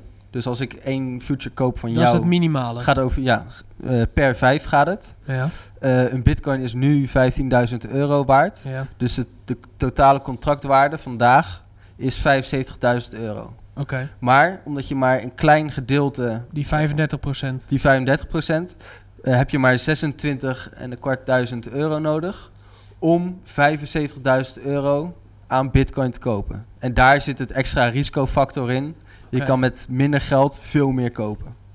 Maar dit is best wel gevaarlijk als je hier geen... eh, of in ieder geval, dit, de, de, de features zijn Ja. geen dingen waar, waar de normale consument zich mee gaat... eh, Nee, zeker niet met deze Nee, want waardes. dit- dit- dus het is dit- echt voor institutionele en voor bijvoorbeeld echt bedrijven. investors of bedrijven. Ik ken een start-up die heeft in Thailand een een of ander chemisch product verkocht. Mhm. En in Thailand is het heel moeilijk om geld over te zetten van de Thaise. Ik eh, weet niet of mensen Ze zijn hebben. slecht in valuta. Naar eh, dollars, waarin die partij betaald wilde krijgen. Dus hebben ze dat in bitcoin gedaan. Het dat is eh, wel. bad. Het is bad. En, Alleen, eh, bad. ze kregen dat Bad. pas betaald over vier is, maanden, eh, geloof ik. Ja. Dus dan loop je vier maanden het risico over de bitcoin-koers. Maar dat willen ze helemaal niet. Dat wil je niet. Je wil gewoon je geld. En daarom zijn die termijncontracten. Ah, oké. Dat is een hele goeie. Maar eh, waar ik een beetje naartoe wil, is eh, regulatie. Want we, hebben het nu een we zijn al een beetje aan het speculeren. Maar je hoort dat er zoveel haken en ogen aan zitten. En mainstream media, ik bedoel... Ik heb overal bitcoin eh, langs zien komen. Sterker nog, mijn moeder die vroeg aan me... Wat, wat, wat is dat nou? Je hebt toch ook die bitcoin? Weet je, toen dacht ik... Hey, fuck, dit, dit gaat niet Ja, goed. Daar is een heel mooi gezegde over. En eh, dat, eh, dat gaat eh, volgens mij... If your cab driver talks about a stock, you shouldn't buy it anymore. Oké. Zoiets, ja. ja. ja. maar dat, dat voelde ik ook. En toen dacht ik van ja, het is totaal zijn doel voorbij geschoten al. Ehm, het, het, het, het, was, het was zelfs zo dat afgelopen weken het per exchange ongeveer 2000 dollar scheelde waar je je bitcoin ging kopen of waar je die ruilde. Dat is echt een hoop. Ik bedoel, dat is bijna, eh, bijna 10%. mhm. Ehm, moeten we dit gaan reguleren? Want Korea heeft eh, sinds kort, volgens mij sinds gisteren, gezegd dat ze het eh, gaan reguleren en ook verbieden. Noord of Zuid? Eh, Zuid. Nou, Noord kom ik zo even op trouwens. Daar heb ik een Ja. leuk weetje over. Zuid. Ehm, omdat er in exchanges in Korea echt extreem veel werd gehandeld. En dat was waarschijnlijk een soort witwas eh, constructie vanuit eh, China onder andere. Omdat Ja. in China het al verboden is. Ja, dat, dat zie je sowieso trouwens. Witwaspraktijken zie je eh, met cryptocurrencies heel veel natuurlijk. Eh, l- lekker untraceable en zeker op bepaalde markten. Ehm, Ja, wat moet je ermee als overheid? Ja, Nou, kunnen kijk, we, ja, moeten we dit gaan reguleren? Want Ja. ik bedoel, dit, kijk, dit zijn de eerste tekenen, maar Kunnen Nederland, we het überhaupt wel regu- regu- nou ja, reguleren? inderdaad. Nou, we hebben een... Nederland gaat komen, Amerika. Am- Als Amerika gaat komen eh, hiermee, waar ze eigenlijk al een soort van eerste stap mee hebben gezet met, eh, met de netneutraliteit. Ja. Ehm, ja, wat, wat, is, wat is Bitcoin dan nog? Nou Ja. ja, Nou, Amerika laat twee hele verschillende seinen zien. Inderdaad, aan de ene kant met die eh, net neutrality. Ja, Hoewel ik me afvraag hoeveel motivatie daarbij daadwerkelijk crypto of blockchain... dat vraag ik eh, me ook af hoor. eh, één. Aan de andere kant de eh, financiële waakhond, wat in Nederland de AFM is. Autoriteit Financiële Markten. Mhm. In Amerika Mhm. het SEC. Die hebben specifiek goedkeuring gegeven voor die fu- futures waar we het net over Ja, hebben gehad. Ja, anders kunnen ze het niet verhandeld worden. plus... Dus wat dat betreft omarmen ze het. Ja, maar aan de andere kant, wat ook wel grappig is, is Maar een jaar geleden zeiden ze nog dat het marktaandeel van cryptocurrencies en blockchain te klein was om eh eh verdergaande regula- eh, regulatie op eh, los Maar te is dat Maar voor belastingen? dat, had gekund, dat had het gekund. Inmiddels is het gegroeid. Zou het nu anders zijn, die beslissing? Nou ja, ik denk sowieso dat ze het wel gaan herzien. Maar wat je vaak ziet is dat op het moment dat het een bepaalde waarde in de markt heeft om er serieus geld aan te verdienen, dat dat meestal het moment is dat dat soort instanties er daadwerkelijk regulering overheen gaan Maar dan is het interessant ook voor overheden, want dan kan je belasting gaan heffen. En dan kan je er wat aan verdienen als Ja, overheid. maar dat, dat proberen ze dus al wel redelijk te doen door aan het begin van het jaar je, je waarde van de crypto vast te leggen Maar als en daarover belasting te vragen. bij je inkomstenbelasting eh, komend jaar voor 2017 moet doen, dan stond de waarde van de bitcoin op eh, volgens mij 500 of 600 euro. Ja, En daar doe je belasting over, terwijl die nu eh 16.000 waard. ja. En dat probleem hebben aandeelhouders al jaren. Ja, Zeg maar mensen die in aandelen zitten. En ja. dat is want gewoon dat een doe je, regel. dat, dat weet ik hoor, dat doe je altijd. Ja, vermogensbelasting Ook boven... over je aandelen. Oké, Ja. dus Eh, ook al had ik eh 100 aandelen in Apple, dan, Ja. doe je dat aan het, dan doe je dat voor de waarde aan het begin van het jaar. Ja. Oké, maar dat is best wel, dat wist ik niet. Dat is best wel. Nee, eh, en daar dus- dus de lang termijn. VEB, Dat- de dat Vereniging dus- Effectenbezitters, die Ja. maakt daar ook een probleem van. Zet zich daarvoor in om dat naar een beter systeem te maar te tillen. vergeefs. Ja, want, maar dat is best bizar. Want dat betekent dus, kijk, nu bij Bitcoin is dat positief voor de meeste mensen. ja, Althans voor iedereen ja. eigenlijk wel. Tenzij jij- je nu eh, voor Nu het komend jaar. nee, maar voor Ja. het komend jaar, als je nu gaat kopen. En hij staat nu op 17.000 euro. Ja. En we zitten volgend Ja. jaar, eh, doen we dit weer. Bijvoorbeeld, bij wijze van spreken, Ja. over een jaar. En hij is 800 euro. Ja, dan heb je wel een uitdaging. Kijk, ja, maar dat is... ik, oh. Maar krijg je dat dan terug? Nee. Hoe dan? Eh, Dan betaal je dus belasting over iets wat er niet is. Ja. ja. Nou, je betaalt belasting eigenlijk over virtuele winst die je opmaakt. En die Ja. winst stellen ze vast op 4% per jaar. En die winst heb je natuurlijk niet echt. Want heel veel mensen zeggen, ja, ik heb geld, maar je moet het Nou, natuurlijk mensen hebben meer, maar- mensen hebben minder. Ja. En de reden waarom ze niet over willen stappen is omdat het heel moeilijk is om dat voor iedereen bij te houden. Ja. Heftig. Ja, kijk, wat ik- wat ik denk- wat ik denk sowieso is, als je het gaat hebben over regulering, waar we het al eerder eh, licht over hebben gehad, wat zou de motivatie zijn om het überhaupt te reguleren en zeker vanuit landen. En ik denk dat het juist wel bij het landenvlak eh, te zoeken valt. Die AFM die, die doet nu, of heeft een beetje gedaan wat ze zouden kunnen doen. En die zullen misschien nog wat meer maatregelen nemen. Maar heel veel meer kunnen zij daar ook niet aan gaan toevoegen. Eh, dus wat, dat, dat wat betreft zeg maar regulering vanuit de financiële sector. Maar wat ik denk dat veel meer qua regulering gaat spelen is hoe gaan wij überhaupt bitcoin zien eh, en zeker landelijk eh, en Europees en wat kunnen wij met de techniek al dan niet de coins. Ehm, en dat is denk ik een veel interessantere eh, discussie over de regulering zeg maar, omdat je niet weet waar wij nu naartoe gaan met z'n allen en met deze technologie. Wat, hoe gaan Dus- overheden erop Hoe- reageren? waar wij het eigenlijk al vaker in de podcast over he- hebben gehad. ehm, eh, wetgeving staat weer echt tien jaar achter op, eh, eh, Ja. op wat er gaande is. Absoluut.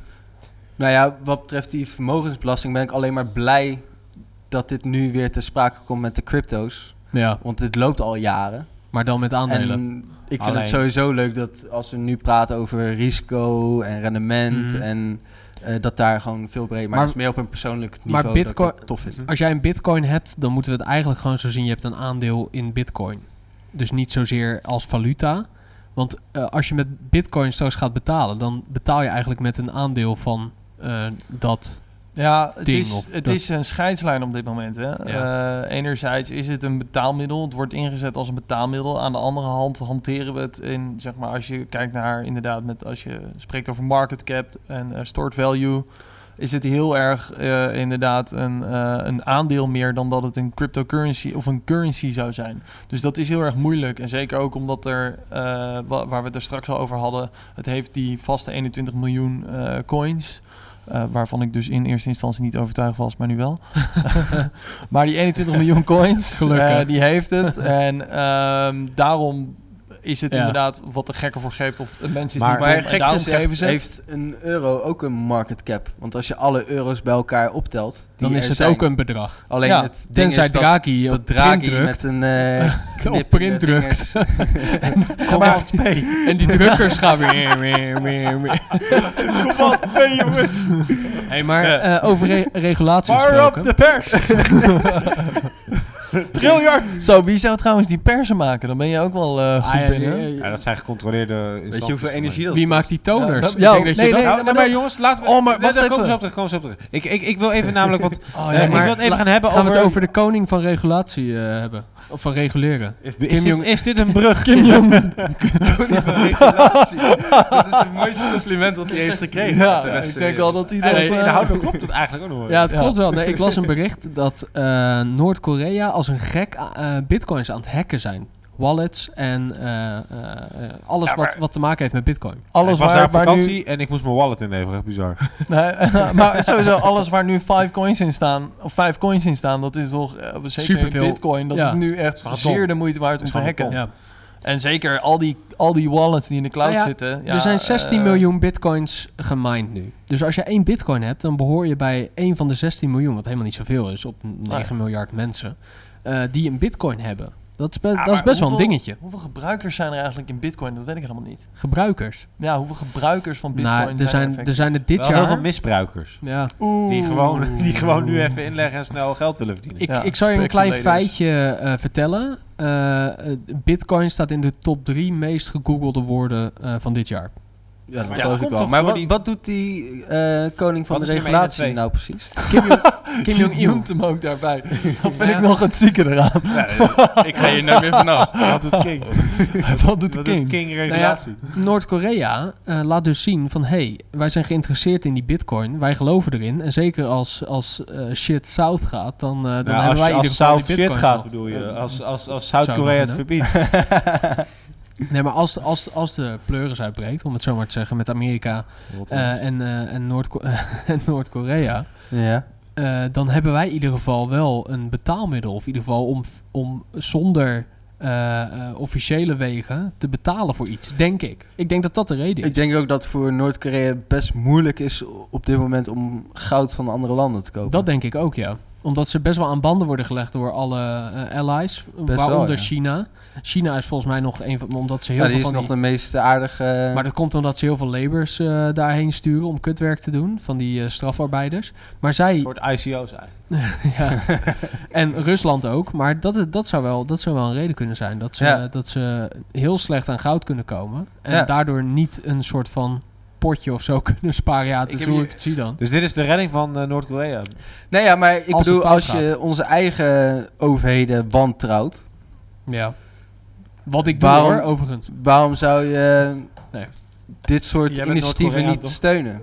Sorry? Dat, Ik bedoel, als je onze eigen overheden wantrouwt, wantrouw je daar ook niet gelijk direct mee dat bijvoorbeeld Amerika en alle allies Noord-Korea bannen van alles en daarmee hun bevolking nou ja, benadeelt. dat is... En moet je dan niet die bevolking steunen met go voor je bitcoin? Eigenlijk is dit een soort van suggestie om economisch off the grid te leven. Nou ja, meer een vraag te stellen bij Wat Noord-Korea trouwens al sinds de. Koreaanse oorlog doet. Ja, dat is wel heel bizar. Maar, nee, maar ik bedoel ook zeg maar als persoon economisch off the grid leven. Ja. Vroeger was het natuurlijk, of nou ja, een paar jaar terug was het helemaal sick als je off the grid ging leven en dan een geweer kocht om... Nou, als er dan, eh, weet ik veel, een zombie-apocalypse uitbrak, dan was je in Ja, ieder je geval veilig. energie en een moestuintje. En, eh, Dat, zodat je kon overleven als de pleuris uit zou breken. ja.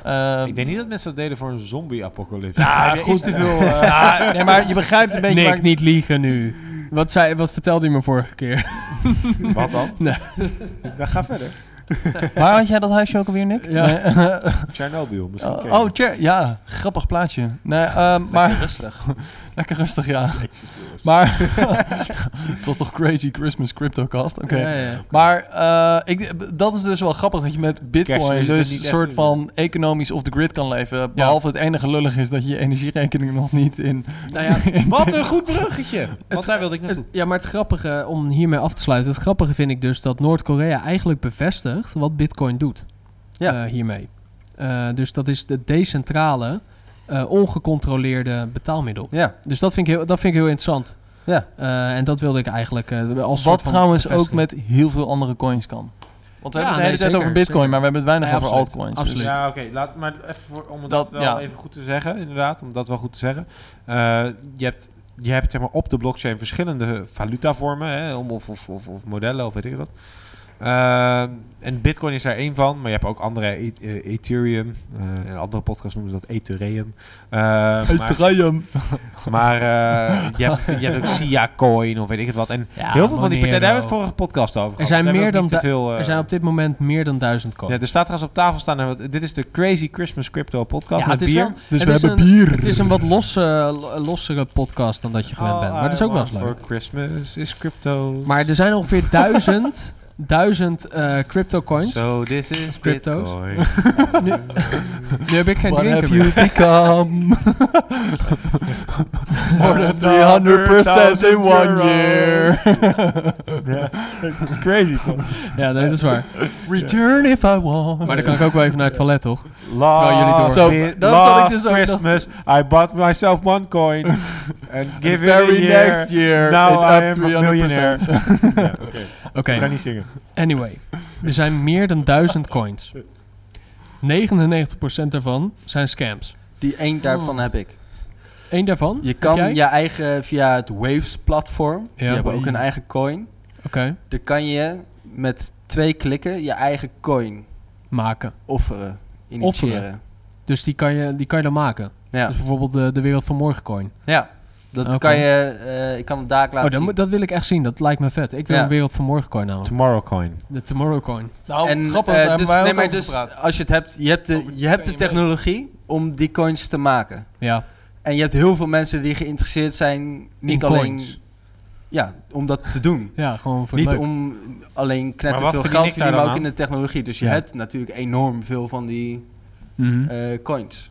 Gewoon de interesse in de technologie en hoe dat nou werkt om Ja. zo'n coin in de Maar markt dan te zetten. zou ik toch nu de eurocoin moeten maken. En dan fake ik gewoon dat hij van de EU komt. Ja, een paar nieuwe fake nieuwsberichten. Ja, Ja. fake nieuws. Beetje Hey, maar eh, weet je wat ik- op Facebook. Weet je wat Ja. ik heel interessant vind? Jongens, ik, ik voel een businessplan aankomen. Ik denk als crazy je- Christmas wordt heel crazy nu. Ik denk als je een mailtje naar Poetin stuurt, dat hij je wel gaat helpen. Wie? Poetin. Poetin. Vladimir. Vladimir. Vladimir. Die heb jij op de Ah, mail, ja, toch? Ik merk dat we een beetje aan het... eh, I want aan- the aan Putin het, coin. eh, Ja, ik, ik merk dat die biertjes... ja, ja. Put staan- in coin. staan- Voor jullie beeld van dit natuurlijk... Eh, put in bitcoin, zei je dat nou? Put in coin. Hey, ik wil het nog wel even serieus over één dingetje hebben. Want ehm, wat ik laatst tegenkwam is dat er eh, heel veel ehm, webbrowsers, of in ieder geval eh, websites, eh, coins minen zonder dat je dat weet. Eh, een van de Als bekendste... alternatief op advertising. Nee, ja, bijvoorbeeld. Een van de bekendste is Pirate Bay die dat gedaan heeft. Maar er zijn nu heel veel andere partijen die dat ook doen. Dus niet meer de bekende advertentie met het irritante filmpje Je kent ze misschien je... wel. Facebook, YouTube, nu.nl, rijksoverheid.com. Maar Ja? dan, dan wordt die coin dus ingezet. En, en dat, eh, bijvoorbeeld Monero doet dat. Maar dan wordt zo'n coin ingezet eh, als, als om waarde toe te voegen. eh, voor, Ja. voor, voor- of in ieder geval anders dan, dan een advertentie. Dus, Dus- dan, Ja. Ik surf op, ehm, of ik download de film op Pirate Bay. ja. Waar Dan je wordt niet er voor met, betaald. Ja, maar daar hebben wij het al over gehad. Dat, heet, dat is dat cryptojacking verhaal. ja, terwijl, eh, terwijl eh, ja, hij, hij probeerde gewoon het verhaal te zetten. Oh. Terwijl jij je data, toch dat gaat over data, over je, over je Maar we internetverbinding. hebben het wel over gehad, maar ik snap het niet. We, ehm, je downloadt de film. Je, je stelt Je jou, bent op, de, op het platform de Pirate Bay. je zit Ja, op je je wifi-netwerk. op de achtergrond draait er een script die dus eh, een bepaalde munt eh, of een coin mindt, hè, of dat dan Monero is of Bitcoin of weet ik het wel. En daardoor verdienen zij geld aan het feit dat jij op dat platform zit en daardoor hoeven zij dus jou geen advertenties meer te tonen.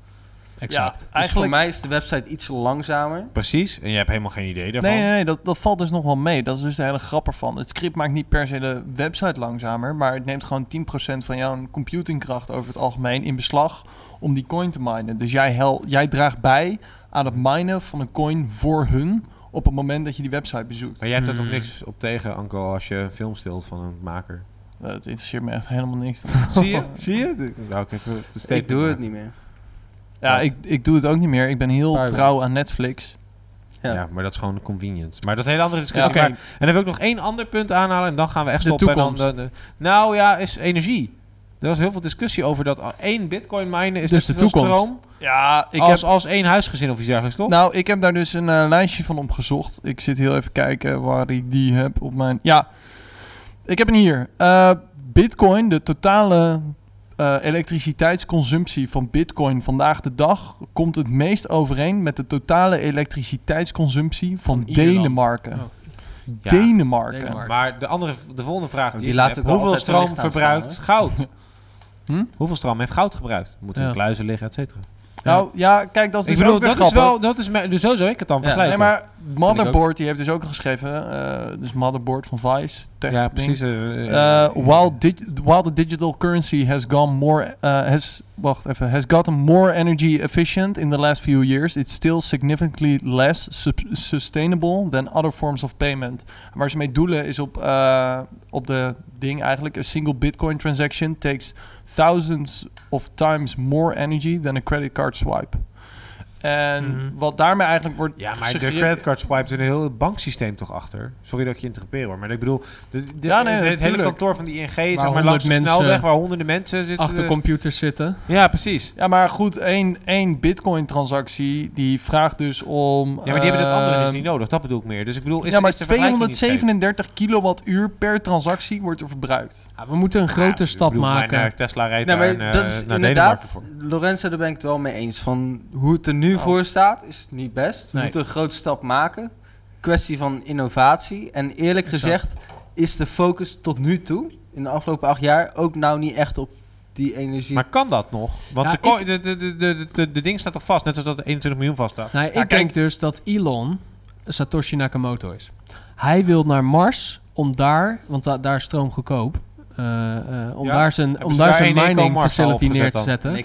En om goedkoop transacties via Mars eh, te gaan. Nee, dat is gek. Ja, maar kijk- maar er moet innovatie komen om dit op te lossen. Ja, Eh, en Ja. dat is hetzelfde met elektrisch rijden. Eh, we kunnen niet ineens alles elektrisch maken. En natuurlijk gebruiken we nog fossiele brandstof. En natuurlijk kost het nu veel energie. Maar als we hier naast ons kijken, staat een heel kantorenpand... waar honderden mensen achter de computer zitten. En als we dat netto gaan berekenen... uit Rotterdam en het rijmt op Robeco. Daar kijken we nu op. Ja. Lorenzo gaat Nee, verder. maar, maar het rijmt op Robeco. Ja. Dat vind ik heel knap dat het op Robeco. Nee, nee, Co. Nee, wat zei je, Robeco? Robeco. Nee, nee, maar dat hele pand... We zitten hier nu op vrijdagmiddag. Er is echt geen hond meer in dat pand. Ja, sorry, ik zeg het misschien een beetje asociaal, maar als ik er nu op kijk, zie ik helemaal niemand meer. Arthur Hoeveel stroom- de administratie te doen. Nee, maar er zit niemand. Ja, ja, Ja, nee, maar dat gaat vanzelf uit. Dat dat mijnen zeker? Nee, maar weet je, nee, nee, nee, Ja. weet je wat bijvoorbeeld veel heftiger is? Dus als je kijkt naar die grote eh, mining facilities die er zijn. Die staan in China, maar staan ook in... eh, ja, Kazachstan. Maar waar dus ook een heel aantal, of een, een van de grootste staat, is IJsland. En dat zijn niet per se hele goedkope of energie-neutrale landen. Nou Ja, IJsland trouwens nog met die gijzerbronnen en whatever. Maar het zijn allemaal wel gewoon... een decentrale bank goed kunnen gebruiken natuurlijk. Ja, maar dat terzijde, eh het economische belang. Maar ehm, daar, ze zijn niet, die, die gasten die die coins minen, die boeit het ook niet wat die stroom eigenlijk Exact. doet. En Die- het gaat hun erom dat zij een deal kunnen maken Die met de gewoon power plant. zero's. En die zien gewoon inderdaad zero's voor de komma en that's it. Ja. Dus die zijn gewoon volle bak aan het minen. Die kopen alle sterke videokaarten eh, die eh, twee assen kunnen berekenen. Wel Allemaal echt op. goud, hè? Dat de, En- gewoon de videokaartenmarkt is geëxplodeerd. Ja, ziek. De Ja. Ah, je had bijna beter aandelen in Nvidia kunnen kopen van een fa- fabrikant van videokaarten dan dan Bitcoin kunnen kopen. Dan was je nog harder gegaan. Niet meer inmiddels. hè. Nee, oké, Ja, je snapt waar ik wil. Je moet wel Er serieus... is een eh, run op geweest. En inderdaad, de serieuze gasten... die kopen gewoon rechtstreeks van de leveranciers in. Dus die zullen wel deals hebben met Nvidia. Ja. Maar inderdaad, die, die, die kopen inderdaad eh, kaarten op die... eh, Maar goed, kunnen energie, en, eh, of energie. Energie.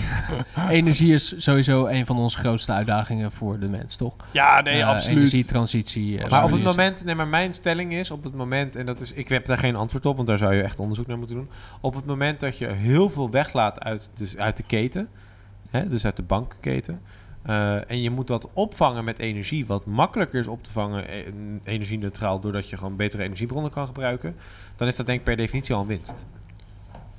Even los van dat het beter kan. Tuurlijk kan het beter. Ja. Alleen is de vraag niet... Kijk, kijk stel je voor dat ik nu eh, de bitcoin, eh, de, de blockchain zeg maar, van bitcoin... dusdanig efficiënt kan maken dat het echt beter wordt... dan ga ik toch nog steeds minder verbruiken dan dat het hele monetaire systeem nu doet. Ja, maar dat is altijd. Dat, ik bedoel, dat geldt ook voor de huidige. eh, als je kijkt naar Tesla. Mensen lopen te bitchen over de, het energieverbruik van het maken van een Tesla. Ja, of het maken van eh, die batterijen. Want die batterijen, dat Ja, is ook zo'n ding. exact. Of het aluminium wat wordt gebruikt in die auto. Ja, maar die Exact lithium, dat. dat Al proces... die punten eh, heeft men kritiek op. Alleen de reden waarom het waarde heeft, waarom men het doet, is omdat men vertrouwen heeft in hun eigen innovatiekracht of eh, in de innovatiekracht van Tesla, om dat een stap verder te brengen. Mhm. Dus het punt is volledig valide van het eh, milieu of het energieverbruik van bitcoin mining hedendaags. Maar goed, ik heb wel vertrouwen in de toekomst. En jij, Anko? Ja, kijk, in Wat is de toekomst van bitcoin? Van bitcoin vind ik moeilijk te zeggen, want dan heb je het over één specifieke coin. Cryptocurrency. De toekomst van cryptocurrency is heel groot. Ik denk dat we echt wel richting cryptocurrency gaan. Of het eh, op welke manier dan ook. Eh, ik, ja, wat ik al zei, ik geloof heel erg in een idee waarbij politiek eh, het idee veel meer gaat omarmen en de technologie veel meer gaat omarmen en dat we er daardoor meer op komen. Maar ook om bijvoorbeeld notarissen te kunnen vervangen door, baas, op middel, door middel van een ledger system, inderdaad, op blockchain. Eh, om smart contracts te doen. Dus dat je niet meer. Wij, bijvoorbeeld, nu moet je een BV oprichten. Dan ben je gewoon 2000 euro kwijt aan een notaris. Ja, weet je, dat, dat zijn onnodige kosten en onnodige dingen. En Dat zeg je nu wel, maar dat zijn ook gewoon hele branches die je zomaar even wegdenkt. Ja, nee, natuurlijk. Alleen innovatie gaat erom dat je het ene weghaalt om het te vervangen met het ander, wat misschien wel beter is. En ja, eh, in dit innovatie gaat om geval. vooruitgang, bedoel je meer, denk Hm? ik. Innovatie gaat om vooruitgang dan, toch? Ja, en in dit geval gaat het zeker om vooruitgang. En om een hele grote vooruitgang zelfs op eh, dat vlak. Dus ik denk dat het, eh, de toekomst voor eh, blockchain heel groot is. De toekomst voor cryptocurrency is denk ik ook heel groot. Alleen de, ik zie cryptocurrency als wat e-mail was voor internet, is cryptocurrency voor blockchain. En het is één onderdeel van alles wat je ermee kan. En Mhm. ik denk dat we dat nog moeten gaan ontdekken. Dus decentralized apps, dat komt eraan. Decentralized internet dus inderdaad.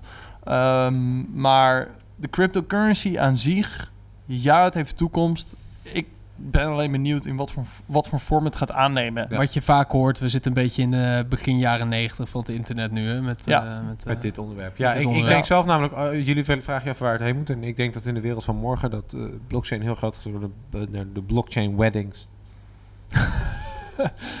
Verklaar je nader. Nou ja, dat als het niet goed gaat, dat je meteen heel snel, snel de chain weer uit Of dat je niet met twee Hoppa. vrouwen tegelijk mag trouwen. Nee, kijk.